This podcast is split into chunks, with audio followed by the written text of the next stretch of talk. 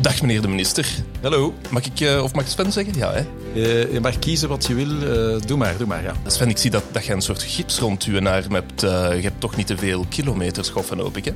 Nee, nee, het is een minder leuk verhaal. Ik ben een paar dagen geleden op mijn bek gegaan met de gladheid. Het had gevroren en ik dacht dat mijn fiets en de bandjes dat wel aankonden, maar uh, nee, nee, stevige kwak gemaakt, ja. Allee, dat wil een mens al een sportief zijn. Hè. Ja, maar goed, uh, hand gebroken, barst in de elleboog, uh, schouder gekneusd, maar de moral is goed, zoals Allee. we bij ons zeggen. Allee, als het veel pijn doet, mogen het zeker zeggen en anders stel ik voor Dank dat we er gewoon aan beginnen. Hè.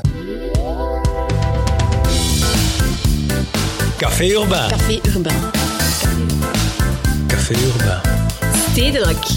Liberaal. Verhaal. Hallo en welkom opnieuw bij een nieuwe aflevering van Café Urbain Podcast. In deze aflevering gaan we het hebben over iets wat de laatste maanden niet uit de media te slaan was. Zeker niet voor Brusselaars, maar ook niet daarbuiten. We hebben het natuurlijk over de correct, de smart move, de slimme kilometerheffing. Tegenover mij op een veilige afstand zitten mijn twee gasten. Allereerst welkom Sven Jats, Brussels minister bevoegd voor Financiën, Begroting, Meertaligheid, Nederlandstalig onderwijs en ambtenarenzaken. Toch een mond vol, hè Sven? Ja, inderdaad, genoeg werk op de plank. En mijn tweede gast is dan zeker ook niet de minste mobiliteitsexpert en professor aan de Universiteit Antwerpen en Gent, Dirk Lauwers. Welkom Dirk. Uh, misschien toch even een, een voor de hand liggende vraag voor een expert in mobiliteit. Um, hoe bent u vanuit Antwerpen naar Brussel gekomen? Ja, uh, aangenaam en ook op een aangename manier naar hier gekomen. Uh, namelijk met de trein. Dat is uh, om u te verplaatsen de meest ontspannende manier. Is ook de vriendelijkste manier voor de stad, voor de omgeving. Sven, de slimme kilometerheffing of smart move, dus daar gaan we het vandaag over hebben. Eigenlijk zeg ik vandaag, maar het is in principe een van de meest ingrijpende onderdelen van het regeerakkoord hè, voor deze legislatuur. U wordt vaak aangehaald als boegbeeld van het project, wat dat toch misschien wat vreemd is aangezien dat u minister van Fiscaliteit bent, hè, of begroting. Hoe komt dat eigenlijk? Hoe fiscaal is dit project dan? Het is natuurlijk zo dat mijn collega's, zeker van mobiliteit en leefmilieu, ook betrokken zijn bij het project. Heel de Brusselse regering trouwens. Hè. Maar als je mensen um, van mobiliteitsgedrag wil doen veranderen, daarom, daarom niet radicaal helemaal, maar misschien voor enkele dagen iets anders. Hè. En, uh, niet altijd de auto, je kunt ook uh, de tram of uh, de trein of de fiets nemen uh, enkele dagen. Dan ja, hebben we daar toch wel een fiscaal duwtje ja. voor. Hè? want je kunt hopen en denken dat mensen dat vanzelf gaan doen, maar dat gebeurt eigenlijk te weinig, het gebeurt zeer traag. En wanneer we uh, zeggen van kijk, uh, en dat is eigenlijk de kern van Smart Move, we gaan je als Brusselaar, als Brusselaar weliswaar, niet meer belasten op het bezit van je auto. Je gaat niet gewoon een forfaitair bedrag betalen nee. één keer per jaar en dan doe je ermee wat je wil. Maar wel op het gebruik ervan, variabel. Dan ga je er ook wel over beginnen nadenken. en ga je waarschijnlijk je, je gedrag aanpassen, ja. zoals we ook uh, in andere steden gezien hebben dat het, dat het werkt. En daarom is er een fiscaal luik aan, aan, aan eigenlijk voor de, voor de Brusselaar is het een tax shift. Hè. Dat wil zeggen, er vallen een aantal belastingen weg ja. op, het, op, de, op het bezit en er komen een aantal belastingen op het gebruik bij. Maar het, het verschil is belangrijk. Bij bezit moet je betalen bij gebruik kan je ook nog een beetje kiezen. En dat is wel belangrijk. Dat vergeten veel mensen bij dit debat. Dus het gaat om betalen en dat is eigenlijk het uh, fiscale aspect ja. aan de zaak. Want Dirk, als ontwerpwetenschapper neem ik aan, allez, vanuit het idee ontwerpen, dat u eigenlijk de stad bekijkt vanuit het ontwerpmatige, hoe dat je een plein aanpast, een trottoir, een trambedding, ik noem maar dingen op. Kan ik dat dan zo bekijken dat er eigenlijk twee mogelijkheden zijn om mobiliteitsdruk of het mobiliteitsvraagstuk op te lossen? Enerzijds in fysieke aanpassingen en anderzijds fiscaal? Of hoe, hoe moet ik dat bekijken? Uh, ja, het is zelfs nog ruimer, hè, maar dus die ruimtelijke ingrepen, die kan je, zoals je ze opnoemde, heel op detailniveau bekijken, maar je kan ook op schaal van de stad beginnen nadenken, hoe kan ik hier ruimtelijk dat verkeer op een andere manier gaan organiseren, uh, dat er geen doorgaand verkeer meer mogelijk is door de stad, door een wijk. En dat doen we eigenlijk in de verkeerskunde al sinds de jaren 60 van vorige eeuw. Traffic in Towns, Colin Buchanan, dat was een standaardwerk. Onder andere de stad Brugge heeft dat uh, in, in ons land als eerste toegepast. Uh, maar nu ook recenter goed gekend waarschijnlijk. Uh, Gent en meer in de regio, Leuven, zijn echt voorbeelden van zo'n circulatieplannen. Dat is een eerste manier van doen. Maar sinds, laten we zeggen, deze eeuw zijn er ook andere uh, manieren die heel vaak op nieuwe technologie uh, zijn gebaseerd. We kunnen nu nummerplaten herkennen.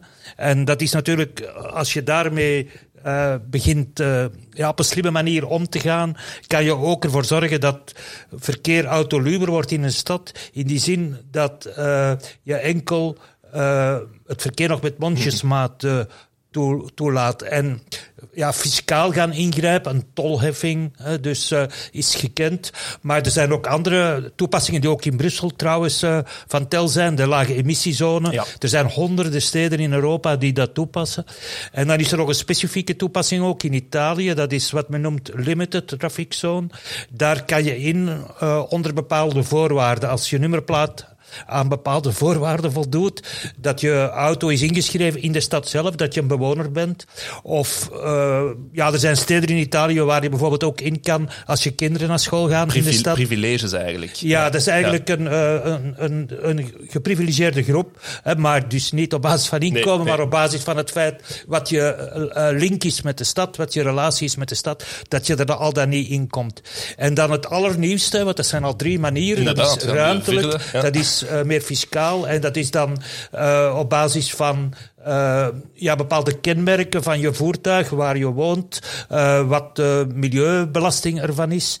Maar dan een vierde manier, en, en dat begint zich nu vooral in de Verenigde Staten te ontwikkelen, maar ook in Parijs denkt men eraan, dat is meer op het uh, parkeren ingrijpen, ja. op het kort parkeren dan. Omdat in de Verenigde Staten, ook in Parijs, heb je heel veel Uber-achtige uh, uh, ja, manieren om naar de stad te gaan. Vaak met enkel het uh, op- en afhalen van, van mensen. En wordt er maar heel kort stilgestaan. En dus men gaat dan beginnen de tijd dat je stilstaat ook uh, gaan, gaan ja, opvolgen. En op die manier ook wat selectiever zijn. Dat je nog echt maar heel, heel kort nog ja. op een bepaalde plek kan, kan staan. Ja, vier, vier manieren, Sven. Dus, dus als ik het goed begrijp, in de meeste steden is het of-of eigenlijk. Hè. Het is of het eerste, tweede, derde of vierde. Maar hier in Brussel is het een en-en verhaal. Hoe bekijkt je dat als je dat nu hoort, die vier opties?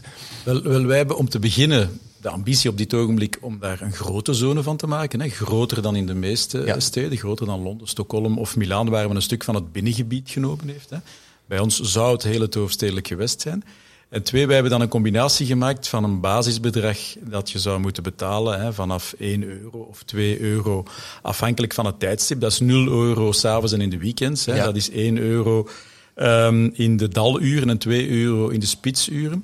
En dat basistarief wordt dan ook nog eens sociaal opgebouwd met als criterium niet wat je inkomen is, want dat wordt een heel moeilijke zaak, maar wel hoe, hoe zwaar de motor van je voertuig is, omdat dat toch ook een impact is. Kijk, je, je, mag op dit ogenblik hè, nog altijd met een hele zware wagen rijden, maar dat heeft een grotere belasting op het klimaat en op uitstoot en dergelijke meer. En dus daar zal het basistarief hoger liggen. En dan, met dat basistarief, gaan we dan nog een, een kleine verhoging doen met de kilometerteller eigenlijk, ook afhankelijk van of je in de spits rijdt of uh, in de daluren. En dus het is eigenlijk een heel gemoduleerd systeem. Hè van hoe fijnmazig maak je het, uh, hoe, hoe, sociaal maak je je correcties, grote wagens, kleine wagens, en ook ja, hoe, hoe ruim interpreteer je de spits. Hè? Ja. En, en, die discussie willen we nu open uh, trekken naar alle sociale partners en de andere gewesten toe. Maar we wilden het wel heel in detail uitwerken om ja, met, met, bijna met simulaties te laten zien, maar kijk, zo zou het werken. En voor uh, veel Brusselaars wil ik er nog eens op nadrukken, de nadruk op leggen, zal dat in bepaalde gevallen een gelijke belasting zijn als ze nu betalen. In andere gevallen, wanneer ze minder de wagen gebruiken, minder. In een aantal andere gevallen kan het ook meer zijn. Maar je mag niet vergeten, hè, want iedereen focust zich op de tarieven. Dat is logisch. Hè, dat is, we willen weten wat er in onze portemonnee zit en wat eruit gaat. Ja. Maar we moeten ons ook focussen op uh, de winst die we uh, economisch maken wanneer, en ook ecologisch uiteraard, wanneer er beter verkeer is en minder verkeer. En dat vergeten mensen. Dat is iets wat psychologisch blijkbaar in onze genen zit. We gaan eerst de nadelen van een nieuw systeem zien. Dat doen we allemaal, hè. ik zelf ook. Hè. En pas na zes maanden, na een jaar, zo is in Stockholm ook gebleken, zeggen we, ah ja, dat werkt dus toch wel. Er is minder verkeer, de levenskwaliteit is gestegen. En eigenlijk de kosten wegen op tegen de baten, zeker en vast. En, en dat is natuurlijk ja, hele, de hele draagvlak dat we nu moeten gaan zoeken. Hè. En om dat uit te leggen aan de bevolking, dat is eigenlijk nog het moeilijkste. Er is nu een site, zijn de smartmove.brussels. En daar een klein fragment, misschien daar wordt dat eigenlijk zo uitgelegd aan, aan de bewoners. Zet Smartmove zich in op verschillende vlakken. Een ruime keuze aan vervoersalternatieven voor Brusselaars en pendelaars. Een faire, intelligente kilometerheffing tijdens de week, gebaseerd op het tijdstip van verplaatsing, het aantal gereden kilometers en het vermogen van uw voertuig. Voilà, dus dat is eigenlijk een kleine capture van hoe dat wordt uitgelegd. Um, een tax-shift, dus een taxatie uh, voor het hebben van een auto, die valt weg. En uh, het wordt dus over verplaatst of uh, verzet of vervangen door een taxatie op gebruik. Tijdstip, kilometers, Goed idee, neem ik aan. Hè?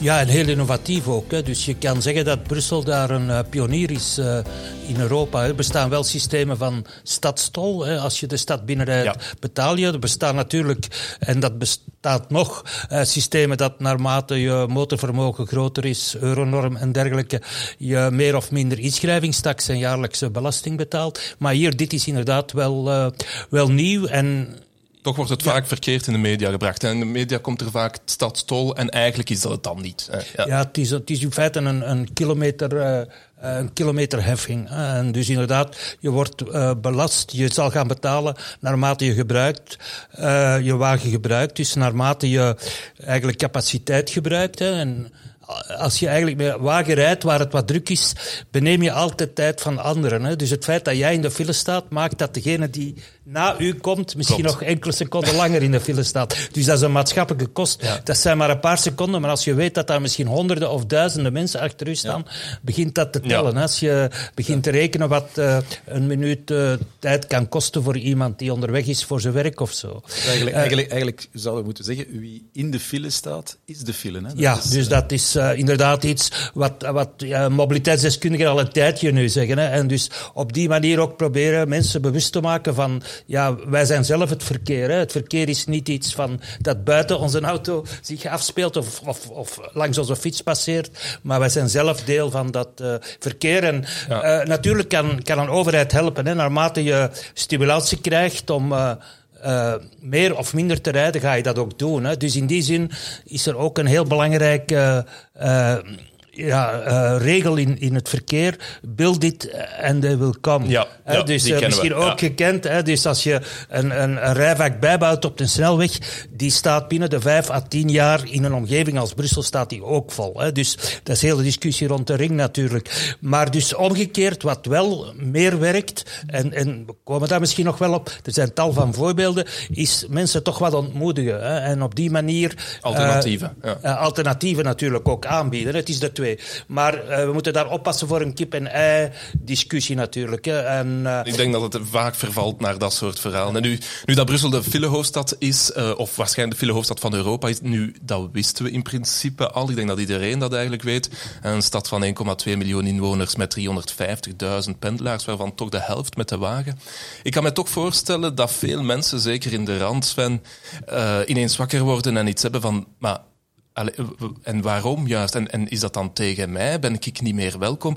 Allee, ik weet het niet, maar ik neem aan dat dat misschien wel iets mm. is dat veel mensen, denk ik... Allee, als ik nu denk aan mijn ouders of zo, die wonen in internet, dat ik denk van, ja, maar hallo, wilde mij nog? Ja, emotioneel ligt dat heel moeilijk. En dat is ook het verschil tussen kilometerheffing en stadstol. Hè. Wij vinden dat het systeem van een basistarief en een kilometerheffing een kilometerheffing is. Maar dat is vanuit het Brussels perspectief, omdat je daar ook die taxshift hebt, die, waar je toch ook van zal kunnen genieten. Terwijl vanuit buiten Brussel ja, ga je nu plots moeten betalen om Brussel binnen te rijden. Ja. En dus emotioneel is dat uh, heel moeilijk, uh, dat is niet aangenaam, dat kost ook letterlijk geld. Maar tegelijkertijd is het ook wel zo dat um, in eerste instantie lijkt dit gewoon een pure mobiliteitsmaatregel met ook positieve ecologische gevolgen. Hè. Er zal minder uitstoot zijn, uh, het is goed voor het klimaat en dat klopt ook. Maar wat men vergeet en wat men zich moeilijk kan voorstellen, hè, ook bijvoorbeeld uw ouders die van, van, van het internat komen, of maakt niet uit van waar, dat uh, het ook goed is voor, voor hun verplaatsingsgedrag, omdat ze in principe makkelijker Brussel zullen binnenrijden. Ja. En voor de economie. Want natuurlijk, er rijden niet alleen mensen met private voertuigen, hè, maar er komen ook heel veel mensen werken. Ik had gisteren nog een, werkvergadering met Unizo, vorige week met BC, dus we zijn met al die mensen wel in gesprek. Maar tegelijkertijd, ja, het zal voor hen ook een vooruitgang zijn om makkelijker te kunnen rijden. En je mag niet vergeten, de planbureau heeft dat toch uitgerekend, dat de files in België goed zijn voor een kostprijs hè, van 1 tot 2 procent van het eh, bruto binnenlands product. Dat zijn gigantische bedragen. Hè. En dus we moeten uit die wetenschap weg dat de files iets onvermijdelijk zijn. Ik moet eerlijk zeggen, tot voor een, jaar of twee, drie dacht ik dat ook, van ja, we staan in de file, want dat is nu eenmaal zo.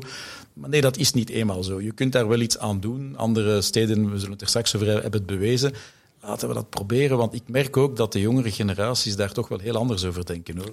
Je wou nog iets zeggen, Dirk? Ja, uh, dus inderdaad, het is nieuw en het lijkt uh, erg onvriendelijk om uh, te doen betalen om te mogen rijden. Maar voor parkeren zijn we dat al lang gewoon. Klopt. En, ja. en, daar zien we de voordelen daarvan in. Ik denk dat niemand nog wil dat, er, dat je in het centrum overal gratis kan parkeren en uren moet zoeken naar een parkeerplaats. Nu, in de file gaan we nog wel staan. Hè. Dus naarmate men de voordelen gaat zien hè, van, ja, voor dat betalen krijg ik wel iets in de plaats, hè, een vlottere mobiliteit. Uh, ja, dat blijkt ook uit, uit het buitenland trouwens, hè, waar de systemen, of gelijkaardige systemen dan ingevoerd zijn. Hè. Dat gaat dan puur over betalen om te mogen rijden, over tolheffingen. Want inderdaad, het systeem Brussel is innovatief. Ja. Hè, maar uh, uh, ja, dus het is inderdaad een, een, nieuwe mindset die, die we zullen Een mindshift. Mind Omdat, allez, als we, ik ga misschien even nog iets vragen aan, aan, aan Sven. Uiteindelijk, als je het bekijkt vanuit uw politieke ervaring. We zien nu een aantal stappen die, die genomen worden om Brussel in beweging te krijgen. En Dirk zal beamen dat dat op zich misschien waarschijnlijk geen slechte zet is. En die voetgangerszone, nieuwe metro, uh, die nieuwe Brussel XXL-pas, de bus... Uh, de, de Brupas. De Brupas, ja, ja excuseer. het is te nieuw. Ja, ja. uh, een trage uitwerking van langgemaakte plannen? Ja, je, je moet het ook eens een beetje zo bekijken. Hè. als je drie jaar vooruit kijkt, dan lijkt het alsof er niks verandert en het heel traag gaat. Maar als je tien jaar achteruit kijkt, dan is er heel veel veranderd. En we moeten dit ook zo bekijken. Zowel de voetgangerszone, waarvan ik hoop dat ze na corona hè, volledig eens in de plooi valt en, en, en haar potentieel ook laat zien, haar levenskwaliteit. Onze investeringen in openbaar vervoer, metro, je hebt het genoemd. En dan die Brupas, die toch ook interessant is. Lang aan gewerkt met de gewesten, hè, maar, maar, men is tot een akkoord gekomen om een eenheidstarief hè, voor MIVB, TEC, lijnen en MBS te hebben in een grotere zone dan het hoofdstedelijk gewest. Dus we gaan vooruit. Ja, dit past daar eigenlijk ook in. En één ding mag je politici niet verwijten. Hè. Je mag politici van alles verwijten. Dat, dat hoort ook bij onze job. Maar niet dat ze proberen beslissingen te nemen. Start. Ja, maar niet, niet dat ze proberen beslissingen te nemen en niet dat ze proberen vooruit te kijken. En als men ons nu verwijt, want dat doet me wel voor een stuk hoor, begrijp dat van dat wij in Brussel iets doen. Vaak zegt men dat we in Brussel te weinig doen of niets doen. Ik ben het daar niet mee eens, maar goed, we doen nu echt iets. Ja, dat is ook omdat wij de grootste nadelen van die file, van die congestie hebben, voelen, ruiken, elke dag. En dus dan is het logisch dat wij een debat in gang zetten, waarvan we toch ook gezien hebben dat het op andere plaatsen ja, kan vooruitgaan. Hè. Dus wat Dirk daarnet zei, als we hier een draagvlak kunnen creëren, we komen er straks zeker nog op terug, ja, dan kunnen we toch wel een pionier ja. zijn. En ik hoop dat we dat met Brussel ook wel eens mogen zijn, want de telefoon staat niet stil. Hè. Uh, internationale organisaties, andere steden bellen hier, omdat ze dus uh, geroken hebben wat wij hier gaan doen. Het wordt gevolgd. Ja, het wordt gevolgd. Men is zeer geïnteresseerd. En men beseft ook, de Europese Commissie wil dat ook op termijn, dat dit een model is, daarom niet te nemen of te laten, hè, maar een model dat in alle stadsregio's in Europa binnen nu en tien jaar gewoon een feit zal zijn. Maar ook buiten Europa. Hè? Ja, ja, ja. Het staat op het programma van Biden. En de steden die binnenkort gaan onderzocht worden is New York City en LA. En er zijn ook steden. Hè? Dus uh, misschien met een minder slim systeem als in Brussel. Maar het idee dat je moet betalen om de stad binnen te komen, ja, dat, dat wordt meer en meer uh, het komende decennium een, een, normaal gegeven. Iets minder ver uh, voor, u, uh, voor u, Dirk. In, in Antwerpen dan en Vlaanderen dan zijn de reacties eigenlijk niet zo positief. In het Waals parlement nog minder. laat ons even luisteren. André la Wallonie réticente, les réactions n'ont pas tardé. Cette décision, c'est d'abord une punition sur les Flamands et sur les Wallons. Et donc, par rapport à cela, c'est un non ferme. Qu'est-ce que c'est que cette façon de procéder où on décide d'abord et puis on va discuter ensuite? Geen mobiliteitsmaatregel. Het is ook geen groene maatregel, het is een pure belastingsmaatregel. ja, ja uh, goed. Uh, kost nog moeite worden uh, gespaard om, om eigenlijk het gal uit te spuwen, zal ik maar zeggen. Of dat is misschien wat te zwaar uitgedrukt. Maar toch, pestbelasting, pendeltax, Vlaamse en, en Waalse melkkoeien. Het overleg, dat blijkt toch nog wat moeilijker te zijn dan, dan initieel gehoopt, of, of niet, Sven? Dit, dit was wel wat te verwachten. Ja, was, verandering is altijd lastig. Hè? let op, ook, ook voor mij. Ik heb mij ook mentaal al moeten aanpassen, hè, want het is een, een tax shift, maar het is ook een mind shift. We hebben het eigenlijk al gezegd, gezegd. Maar ja, hier zitten we natuurlijk nog eens met de bijkomende dimensie ten opzichte van bijvoorbeeld Milaan, Stockholm, Londen, waar men dit soort debatten ook gehad heeft. Hè. De, de mensen vanuit de Randstad die 30 of 50 kilometer vandaar uh, naar, naar die steden gaan, die hebben datzelfde gevoel gehad. Hè, tot ze dan zagen dat het wel werkte. En dan is men eigenlijk in de meeste gevallen echt wel bijgedraaid. Ehm, bij ons komt daar nog eens die, die communautaire dimensie tegenover. Hè, van, van ja, Brussel doet blijkbaar iets eh, tegen Vlaanderen, hè, zo voelt dat nu aan. Of ja, nieuw, Brussel, de Walen voelen zich nu ook aangesproken. Hè. En effectief, ik begrijp wel de reacties dat men zegt, ja, maar jullie lijken wel iets beslist te hebben en jullie willen nu alleen voor de schone schijn wat overleggen. Nee, eh, ik wil het nog eens uitleggen. We nemen de verantwoordelijkheid van onze beslissing. Wij wilden eerst toch wel een vrij uitgewerkt voorstel op tafel leggen. Anders blijf je een beetje in het eilen praten, wat je zou kunnen doen. En nu hebben we tenminste een heel scherp voorstel. Maar nogmaals, het is niet te nemen of te laten in, in geen enkel tarief. Discussie over spits- en daluren, verdeling van opbrengsten. We willen kijken met de anderen wat we kunnen doen. Maar de reacties begrijp ik.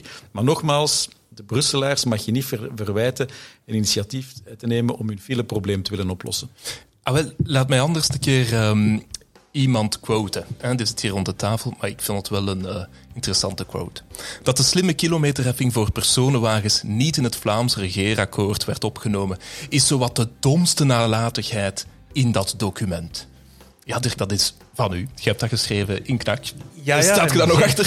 Ja, ja, ja, zeker. En ik voel ook wel, het, het debat komt, eh, los van de discussie nu in Brussel, komt stilaan wel terug op gang. Hè. Het is, erover spreken kan al terug in het Vlaams parlement. Hè, als je het maar niet direct over Brussel hebt. Maar het idee van een slimme kilometerheffing rond Antwerpen of wat dan ook, ja, men begint toch wel in te zien uh, dat dat nodig is. Plus dat ook, uh, als je kijkt naar VOCA en dergelijke, ook de bedrijfswereld is een, is een heel sterke voorstander geweest altijd. Er is alleen een, uh, een kering geweest. Hè. Het thema is populistisch uitgespeeld door het Vlaams Belang. En dan heeft ook de vorige minister, Ben Wijts, voor mobiliteit... Was ook eerst akkoord. Hè? Die was eerst akkoord en er, liggen, er ligt een stapel studies, lag op zijn bureau. Ik heb die nog gezien, die is meer dan 20 centimeter hoog. studies waarop wij hebben verder gewerkt. Ja, inderdaad. En het is hetzelfde Vlaamse studiebureau dat trouwens ook voor Brussel de zaak heeft uh, uitgewerkt. Dus er lag een, een zeer goed voorstel. Het is een enorme gemiste kans. Als Vlaanderen en Brussel hier al hadden samengewerkt, waren wij in Europa echt innovatief. Hadden wij technologie en, en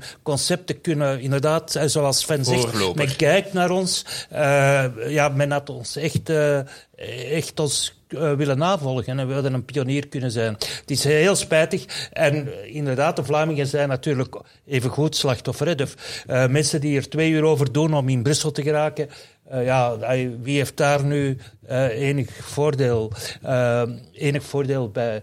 En wat ik ook al lang zeg, is dat maar de mobiliteitsknoop voor het Brusselse ligt in de Vlaamse rand en voor een deel in de Waalse rand. Maar het is daar, als je kijkt op de kaarten van waar het autogebruik het hoog is, hoogst is, waar je de slechtste verbindingen hebt qua openbaar vervoer, de slechtste fietspaden, dan vind je die in die rand rond Brussel. En blijkbaar komt 40% van de pendelaars die met de wagen naar Brussel komen vanuit aangrenzende Brusselse gemeentes. Metro tot in de rand, is dat nu zo moeilijk? Daar zouden we natuurlijk naartoe moeten gaan. Je hebt 40% pendelverkeer vanuit Vlaams-Brabant en dan uh, ruim 10% van Waals-Brabant. Dus de helft komt van vrij dichtbij. Uh, kijk, het is goed dat bijvoorbeeld Lydia Peters de komende jaren een miljard wil investeren in de mobiliteit rond Brussel. Het is goed dat Elke van den Brand bijna anderhalf miljard gaat investeren binnen Brussel. Dat zijn toch wel bedragen die we al lang niet meer gezien hebben. Dus de komende drie à vijf jaar hopen we dat dat ook soelaas brengt. Je mag niet vergeten dat er vandaag in Brussel zelf al wel vrij veel mogelijkheden zijn. Er zijn negen overstapparkings, maar allemaal binnen Brussel. Um, de metro rijdt, de, de, bussen rijden, de MIVW wordt internationaal toch wel als een, internationaal, als een interessante partner gebenchmarkt. En dus we zien nu dat er vanuit Vlaanderen ook wellicht een tandje wordt bijgestoken. Vanuit Wallonië heb ik er jammer genoeg minder zicht op. Maar we moeten met bijvoorbeeld die samenwerking rond Brupas, hè, dat één gemaakt tarief niet alleen binnen Brussel, maar ook in die eerste kroon van gemeenten, Vlaamse gemeenten aan rond Brussel. Misschien moeten we dat platform wel gebruiken om, om, om gezamenlijk oplossingen te zoeken. Dus, want we hebben nu zo ook zo'n idee. Um, alle overstapparkings bijvoorbeeld, die moeten net binnen of net buiten Brussel zijn. Ja, voor een deel kan dat, maar soms moeten die ook gewoon verder uh, zijn. En dat moeten we eens beginnen bekijken, zodanig dat we zoveel mogelijk, misschien niet alle, hè, maar zoveel mogelijk problemen kunnen oplossen en, en eigenlijk loskomen van het uh, ons alleen maar vastrijden, wat Dirk zei, hè, twee uur voor sommige mensen, twee uur onderweg, elke dag en maal twee. Ja, dat, het is gek dat we dat gewoon gewoon. Is er dan vanuit Vlaanderen een politiek gevoerd om Brussel eigenlijk onbereikbaar te houden, te hebben, te, of te, te nalaten? Ik weet niet hoe, Ja, met name vanuit de, de rand rond Brussel, de Vlaamse rand, is er een heel defensieve houding die inderdaad ook meegebracht heeft dat alles wat uh, ja, Brussel bereikbaarder zou kunnen maken, uh, en omgekeerd natuurlijk, vanuit Brussel die Vlaamse rand bereikbaarder zou kunnen maken, dat men daar zeer huiverachtig tegenover stond. Ik heb zelf uh, wel een verleden als expert ja. uh, in Brussel en omgeving. Ik heb voor de Kamer van Koophandel van Halle Vilvoorde halfweg de jaren negentig een studie gemaakt. En daarin hadden we overstapparkings voorgesteld, ergens tussen Mechelen en, en uh, Vilvoorde, ergens rond Halle en dergelijke, dus verder weg van Brussel. Uh, toen ik dat voorstelde voor de pers, heeft men mij moeten ontzetten langs de achterdeur. He, dus, uh, er, men, ja, men wist, men wist ervan en er was een hele actiegroep vanuit de Vlaamse rand uh, komen voor, het, voor de deur van ons studiebureau, waar, waar die persconferentie was, komen postvatten. Dus, en we, tijdens die studie hebben we ook met verschillende politici gesproken in de rand, met burgemeesters, de voorstellen aangepast en dergelijke. Maar onze conclusie was dat was met Mens en Ruimte. En we gaan daar nu binnenkort een boek over schrijven, 25 jaar na Mens en Ruimte. En dus een van mijn uh, medewerkers toen heeft dat, heeft dat nu letterlijk neergeschreven. We hadden echt de indruk dat uh, politiek gezien men echt geen oplossing wou uh, vanuit Vlaamse Brabant. en dat gaat dus al 25 jaar mee. Hè. Ja, Sven, dat is, dat is wel heftig, hè? Ja, maar ik denk dat dat dan toch een beetje aan het veranderen is. Wat bedoel ik daarmee? Vroeger had je pakweg als Vlaams-Brabander de indruk dat er alleen files waren in Brussel. Nu zien ze ook hè, ze, dat het ook ter plaatse is. En je mag niet vergeten, en daarom is het overleg ook zo belangrijk met, met de Vlamingen, maar ook met de Walen, dat stel dat wij dit zouden invoeren, dan uh, zal dat toch wel positieve gevolgen hebben voor de mobiliteit in Brussel. Maar kan dat net een negatief gevolg hebben voor een grotere uh, verkeersdrukte uh, ja, nog rond Brussel? En je moet het dus eigenlijk als een geheel bekijken. En dat heeft iedereen wel ja. begrepen ja, we zijn een bepaald kookpunt van filevorming eigenlijk wel voorbij. Absoluut. En dus ja. in die zin, ook de jonge generaties, ik zeg het nog eens, uh, uh, ik ben onlangs grootvader geworden. Uh, dus, hè, zeg maar, in Brussel zeggen ze ook, de carrosserie is nog goed. Allee, ja, ja, voorlopig met mijn arm natuurlijk. Ietsje minder, ja, zeg.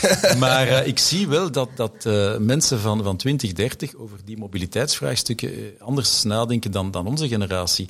En die zijn zeker vragende partij voor, voor ja, een andere vorm van mobiliteit, maar die willen daar een stukje levenskwaliteit voor in de plaats. En dus zij zullen ook de agenda van de komende jaren bepalen. Zo, zo hoort het ook, zo gaat het met generaties. Met hopelijk een betere relatie van Vlaanderen met haar hoofdstad. Um, we zullen misschien even kijken over uh, de grenzen, hè, want uh, wij zijn lang niet de enige die deze problematiek uh, kennen. We hebben het daar net al even gehoord. Ik zou misschien toch even willen luisteren naar Jonas Eliasson, die vertelt ons iets over uh, Stockholm, waar dat uiteindelijk ook is uh, ingevoerd. Het is een stadstol als ik daar, uh, als ik juist ben in Stockholm. En hij vertelt daar iets over op een fameuze TED Talk. When the Berlin Wall fell, an, ur an urban planner in London got a phone call from a colleague in Moscow saying basically. Hi, this is Vladimir. I'd like to know who's in charge of London's bread supply.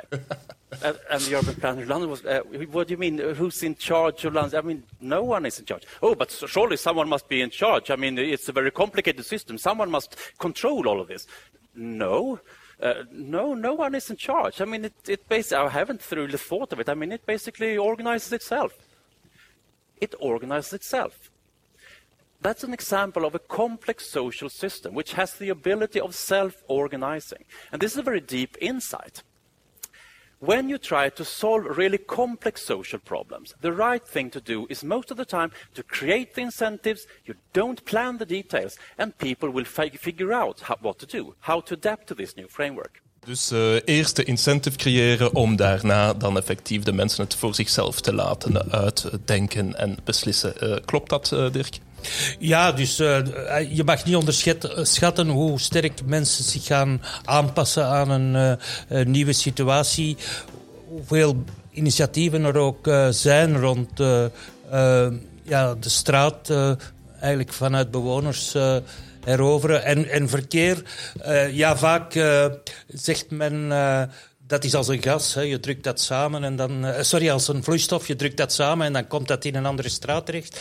Uh, dat is niet altijd zo. Het is meer ook een gas. Hè. In Parijs ervaart men dat nu, dat men verkeer kan echt laten verdampen. Hè. En dat uh, als je langs de Seine niet meer door kan op vier rijstroken, ja, uh, een groot deel van die mensen die gaan nu alternatieven kiezen of gaan naar een andere plek. Uh, maar het is niet zo dat daar nu alle straten in de omgeving in, in overdruk uh, staan.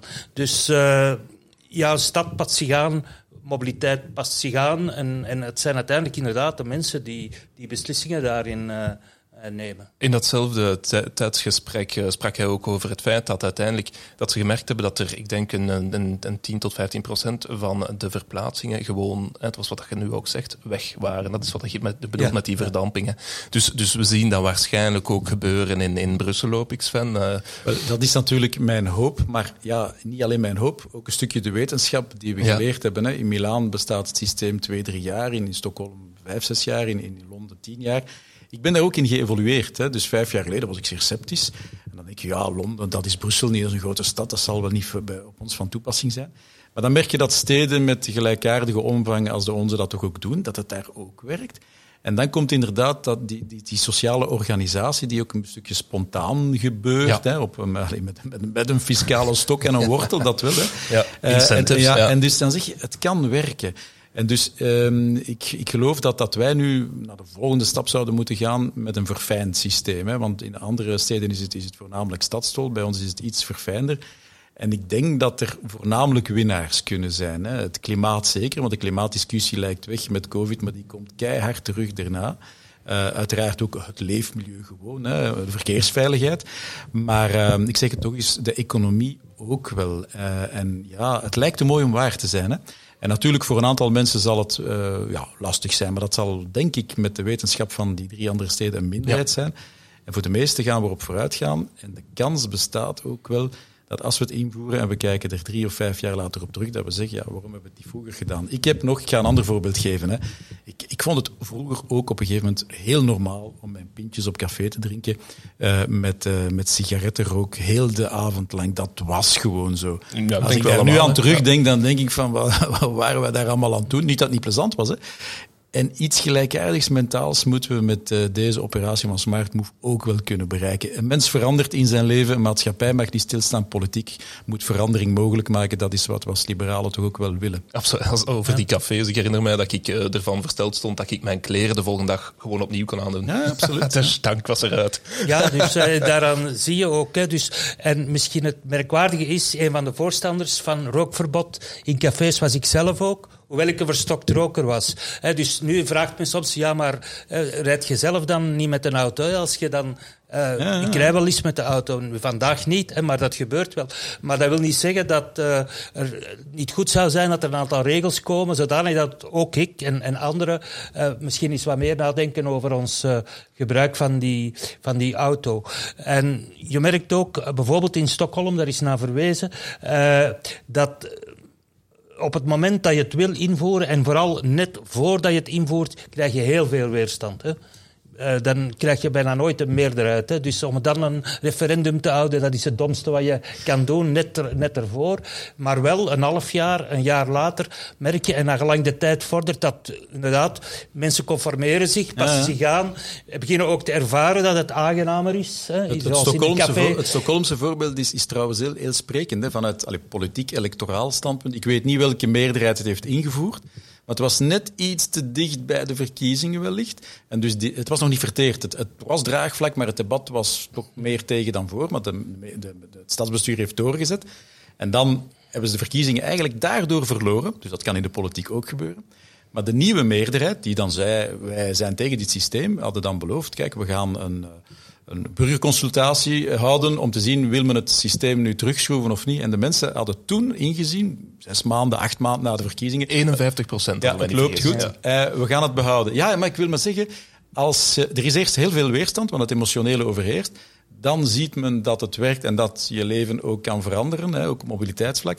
En na een tijd ziet men dan collectief de nieuwe situatie samen om te zeggen dit is een betere situatie. En daar, daar, gaan we eigenlijk wel onze, onze boontjes op de week leggen. Ja, ja dat, dat, blijkt. Dus dat is een soort U-vorm. Dus een U-curve. Dus als het nog ver weg is, dan is het ver van mijn bed. En dan ja, zijn de meningen veel verdeeld. Maar dus het dieptepunt is inderdaad als iedereen begint na te denken... oei, dat gaat me geld kosten of wat dan ook. Maar dan naarmate... En in, in uh, Stockholm ziet men dat eigenlijk dat die positieve score dat je in alle groepen vindt. Mensen die blijven komen met een auto en betalen, want die rijden vlotter. Mensen die nooit met de auto gereden hebben, die hebben rustiger straten. Mensen die uh, vroeger met de auto reden en nu met het openbaar vervoer. Uh, dus men heeft in uh, Stockholm de inkomsten. men is daar zeer open in, hè. dat is een open boekhouding. En men investeert die, onder andere in, nieuwe, in een nieuwe metrolijn heeft men die geïnvesteerd. Ja. hetzelfde in Londen. Hè. Men men is duidelijk over wat men met dat inkomen dat doet. Is dat is interessant, omdat men, verwijt ons soms in Brussel dat we snel een half miljard willen binnenhalen hè, om, om weet ik veel wat met de begroting te doen. Om te beginnen is dat al uh, vrij ruim begroot. Maar laten we zeggen, een stuk daarvan, ongeveer 200 miljoen, daarmee willen die, die Brusselse tax shift betalen. Hè. Als je de ene belasting afschaft, ja, dan moet het midden wel van ergens anders komen. Maar dan schiet er niet enorm veel geld meer over. En dat is ook ons aanbod aan de Vlamingen en de Walen als jullie willen praten over een verlenging van bijvoorbeeld de metro naar Vlaams en Waals-Brabant, dat zouden we met die middelen kunnen doen. Wij zijn absoluut bereid om daarover te praten. En in die zin is die transparantie die, die je noemt wel belangrijk. En nu leek het alsof dat er zo een beetje tersluiks hè, geld uh, werd binnengehaald in Brussel. Nee, dat geld wordt geïnvesteerd in mobiliteit en dat willen wij in alle openheid met iedereen bespreken. Ja, en dus dat is ook wat ik in een opiniestuk onder andere waar naar verwezen is uh, geschreven heb. Hè. Dus die slimme kilometerheffing Brussel kan in het voordeel van Vlaanderen zijn als men daar op een slimme manier op inspeelt. En u geeft eigenlijk, uh, laten we zeggen, een, een, dienbord, een dienbordje voor uh, uw collega, allee, voor uw partijgenoot Lydia Peters, minister van Mobiliteit in Vlaanderen. Dus inderdaad, er zijn al, al heel lang discussies over doortrekking van de metro naar Groot-Bijgaarden, wat toch een heel belangrijk uh, tewerkstellingspool is in Vlaanderen, wat ook voor die bedrijven uh, positief zou zijn. Hè, dat ze meer werknemers vanuit Brussel kunnen aantrekken of gewoon vlotter bereikbaar zijn. Dus inderdaad, het, het, die tegenstelling... Uh, ja, alles, alles voor Brussel, al het geld gaat naar Brussel gaan en, en Vlaanderen betaalt, is veel, veel te simplistisch. En het je betaalt wat, maar de vraag is ook, wat krijg je ervoor in de plaats? En als je er dan een, een betere bereikbaarheid voor in, in de plaats krijgt, ook in de Vlaamse rand, ja, eh, wat, uh, wat zou je daar dan tegen zijn? Het is niet om de hardwerkende Vlaming te pesten eigenlijk. Ja. Nee, dat is, dat is nooit de bedoeling. Uh, en het is ook niet de bedoeling om de mensen meer te doen betalen. De bedoeling is om de mensen hun mobiliteitsgedrag te doen wijzigen of daarover na te denken. En als ze dat doen, zelfs maar gedeeltelijk, want we mikken eigenlijk op een vermindering van mobiliteit van, van ja, 10, 15 procent, het mag ook 20 zijn, maar we mikkelen niet op een vermindering van mobiliteit van 50 procent. Dirk zei het daarnet, er zullen files blijven bestaan, alleen ja, in een aanvaardbare vorm. Maar die 15 procent kan een groot verschil maken in levenskwaliteit. Uh, en en, en daar, daar is het om te doen. Dus, ja, maar het is wel zo dat een, dat een, een pendelaar uiteindelijk Allee, zonder uh, omwegen. Het is wel zo, op dit moment zouden ze dubbel betalen. Op dit moment wel, maar dus is een van de elementen met Vlaanderen en Wallonië om te bekijken. Ja, wij hebben een beslissing genomen om onze fiscaliteit van bezit naar gebruik uh, om te schakelen. Kunnen jullie dit ook doen? Want in feite wil de Europese Commissie dat wel op termijn, dat dat zou gebeuren. En dus ja, dat kan. Hè. Moet dat dan gebeuren? Dat is niet aan mij om dat te zeggen, hè, voor heel Vlaanderen of voor heel Wallonië. Of doet men dat in een, in een metropolitane zone die met Brupas overeenkomt als start? Of gaat men direct tot, tot in Aalst, Mechelen, Leuven, eh, Waver en Nijvel? Dat is allemaal te bespreken. Maar dat gesprek ligt wel voor ons. Hoor. Dat gaat niet weg. Ja, er, er zijn ook wel wat fileproblemen in Vlaanderen en ook in Wallonië. Dus, Zeker in uw stad, Ja, maar ja, in Antwerpen. Antwerpen. Dus, eh, misschien nog dat is slechter als straks van, Brussel. eh, Brussel file hoofdstad, maar Antwerpen is er ook een. Hè. Dus eh, we zijn eh, elkaar waard, denk ik, wat dat betreft. Maar eh, inderdaad, en het, dat is echt een, een heel spijtige kans die men eh, gemist heeft. Hè, om, eh, men was echt wel op weg. In ieder geval qua studies. Hè, en men, men had eh, eigenlijk een kant-en-klaar systeem, maar dus politiek eh, is het, eh, heeft men daar een misser begaan, denk ik. Maar ik wou nog ook nog even, even terugkomen op die files en die 10, 15 procent. De cijfers over de files op de Vlaamse snelwegen die zijn gisteren gepubliceerd. En je kan gemakkelijk de vergelijking maken tussen januari vorig jaar en nu. Januari was nog eh, 2020 was nog pre-COVID. Dus nu zijn er de helft minder files. Er is maar 10, 12 procent minder autoverkeer. Dus je ziet dat inderdaad die ja. 10 procent, die 15 procent, die maken het verschil. Ja, ja. Want die files die we nu in Vlaanderen hebben, zijn het gevolg van ongevallen en van werken, van werven. Eh, dus eh, eigenlijk komt het erop neer, maak die snelwegen, maak ook heel uw systeem, eh, wegsysteem, maak dat vooral ook veiliger. Hè, want eh, dat wordt ook vaak onderschat. Hè. En Dus, dat is die eh, Wilson cur- curve. Dat is ja. eigenlijk, ja, dat is dat dan. Of, ja, ja, dus dat men op, op die manier ja, heel snel winst kan, kan gaan maken.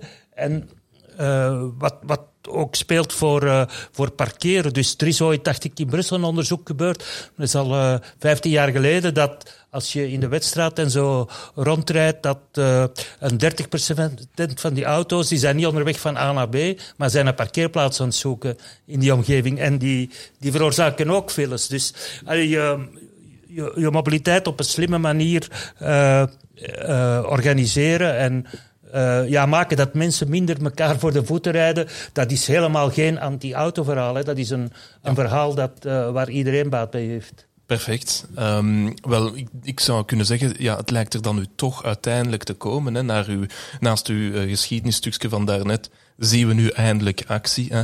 Ehm, we gaan het nog even over de planning dan hebben. Hè. Wanneer komt het er uiteindelijk? Ehm, misschien even vragen aan Dirk. Zie jij jij het eh, deze legislatuur eh, komen? Of, eh, of eh, wat zegt uw voorgevoel? Dat is moeilijk. Even als eh, kijken, ik laat dat ons vragen. zeggen vlak ervoor of vlak, vlak na de volgende verkiezing. En Sven? Ik denk dat dat geen slechte inschatting is. Kijk, we zijn nu volop bezig met het overleg met de sociale partners. Hè. Eh, en we zijn, advies gemaakt. En, en dat was ook heel genuanceerd. Dat was ook niet te nemen of te laten. We gaan daar nu een antwoord eh, op formuleren en opnieuw met hen in gesprek gaan. En uh, binnen de komende weken beginnen ook de gesprekken met Vlaanderen en Wallonië. Zodanig dat we tegen eind maart, begin april moeten weten wat is nu een realistisch tijdspad om hierin vooruit te gaan? Ik ga voorzichtig blijven, omdat ik wil het niet als een gesloten discussie houden, want dan zeggen ze, ja, je doet het overleg alleen maar uh, uh, voor de frim, om het zo te zeggen, voor de, voor, voor de schone schijn. Nee, we gaan echt overleg hebben. En als we vooruit gaan, is het voor mij goed. De, de, de draagvlak is minstens even belangrijk als de realisatie op korte termijn. Maar laten we zeggen, de discussie is gestart en zal niet meer weggaan. Nee. En dat zal niet alleen van de Brusselaars afhangen. Misschien nog één kort vraagje, um, omdat je het hebt gehad over de sociale partners en de politiek. Professioneel, de bedrijven mm -hmm. in Brussel en de Rand. Hoe zit het daarmee? Ik neem aan vooral dat dat in gesprek gaan is met, met VOCA en ja, BC. Ja, en... ja, binnenkort heb ik nog een overleg met de drie organisaties. Vorige week met BC, ik zei het al. Hè. En ja, dat is een moeilijker discussie. Uh, niet, niet omdat de discussies moeilijk verlopen, maar we luisteren naar hun, punten. Hè. Maar da daar geef ik altijd het Londens voorbeeld. Hè. Londen is tien jaar geleden begonnen met redelijke tarieven die vergelijkbaar zijn met de onze. Hè. Natuurlijk, de discussie over wat is redelijk hangt af van, van, van je portemonnee, dat weet ik wel. Maar met redelijke tarieven, maar met veel, veel uitzonderingen. Hè. En bijvoorbeeld voor bepaalde beroepsgroepen of dergelijke meer. En dan heeft men gezien, ja, er waren zoveel uitzonderingen dat de impact te gering was. En daarna heeft men de tarieven toch wel serieus verhoogd. Dus we zitten daar toch altijd wel een beetje gevangen in de discussie. Ofwel redelijke tarieven en weinig uitzonderingen. En dan ga je dus de, de, de vooruitgang economisch en ecologisch kunnen bereiken. Ofwel maak je veel uitzonderingen, maar dan worden de tarieven wel zeer hoog. En dus dat is iets wat nu nog ja, moet doordringen bij de verschillende partners. Dat betekent niet dat er geen uh, verschillende tarieven zouden kunnen zijn voor verschillende groepen. Maar ja, je moet er zeer goed mee opletten. Je moet altijd juridisch goed kunnen motiveren waarom die groep wel en de andere niet. Uh, de Raad van State en het Grondwettelijk Hof bestaan terecht in dit land. Dus uh, we mogen geen kladwerk doen daarin. Nee. Maar die gesprekken lopen, ja. Want uh, je hoort dan natuurlijk wel heel vaak het argument, Dirk, uh, ja, maar Londen uh, dat heeft niet zo'n actief en bebouwd bestedelijk interland in vergelijking met Brussel. Hè. In Londen heb je de volgende stad op, ik weet niet hoeveel kilometer verder. Valabel argument of niet? Ja, nee, eigenlijk is, je kan heel de regio Nijvel tot Gent, Antwerpen, Leuven en Brussel daarin, dat is één groot verstedelijk gebied. Londen. Het is een, ja, dat is ongeveer groot Londen qua oppervlakte. Dat is een, wat men soms al eens noemt in onze vakmiddels een horizontale metropool. Hè. Dus dat is uh, uh, een verstedelijk gebied en, en echt wel vergelijkbaar. Er zijn natuurlijk grote verschilpunten, maar op veel punten ook vergelijkbaar. Hè? Dus, want men spreekt bijvoorbeeld over openbaar vervoer. Maar uh, ja, het dichtste spoorwegnet van Europa ligt in België. Het knooppunt van dat spoorwegnet is Brussel. Dus er zijn politici die vanuit het Leuvense zitten af te geven op, uh, af op het systeem. Hè, maar dus, uh, ik zag nog net uh, gisteren van een collega die het had opgeteld. Er rijden per dag 99 treinen tussen Leuven en, en Brussel. Dus ja, dat zijn waarschijnlijk mensen die nooit het openbaar vervoer nemen. Trouwens, de helft van de Vlamingen neemt nooit het openbaar vervoer. Dus daar is uh, ook nog wel wow, wat... dat is ook wel een uh, percentage ja, dat ik dus, nog niet dat gehoord had. in Brussel ja. wel, wel heel ja. anders. En, en dat is ook een van de moeilijkheden. Hè? Dat men, die mindshift die is zeker ook in, uh, in Vlaanderen nodig. Hè? Dus meer stedelijk gaan denken. En inderdaad de hoofdstad wat, wat liever beginnen zien. En dat houdt ook in uh, dat men uh, met de leefkwaliteit in deze stad, dat men daarom bekommerd is. Hè? Ik denk dat wij alleszins wel Brussel heel graag zien, als Sven. En Dirk, ik het ook, ja. um, tot slot wil ik jullie nog enorm bedanken voor dit aangenaam gesprek. Sven Gats, Brussels minister en Dirk Lauwers, expert mobiliteit van de UA. Dank jullie wel en ehm, tot de volgende keer hopelijk. Hè. Met plezier. Bye bye. Bedankt om te luisteren. Ik was Frederik Keulemans. De podcast werd gemaakt door de fractie van Open VLD Brussel. Vond u deze aflevering interessant? Dan kan u je abonneren via Apple Podcasts, YouTube of Spotify. U kan ons ook contacteren via info.openvldbrussel.be. Tot de volgende keer.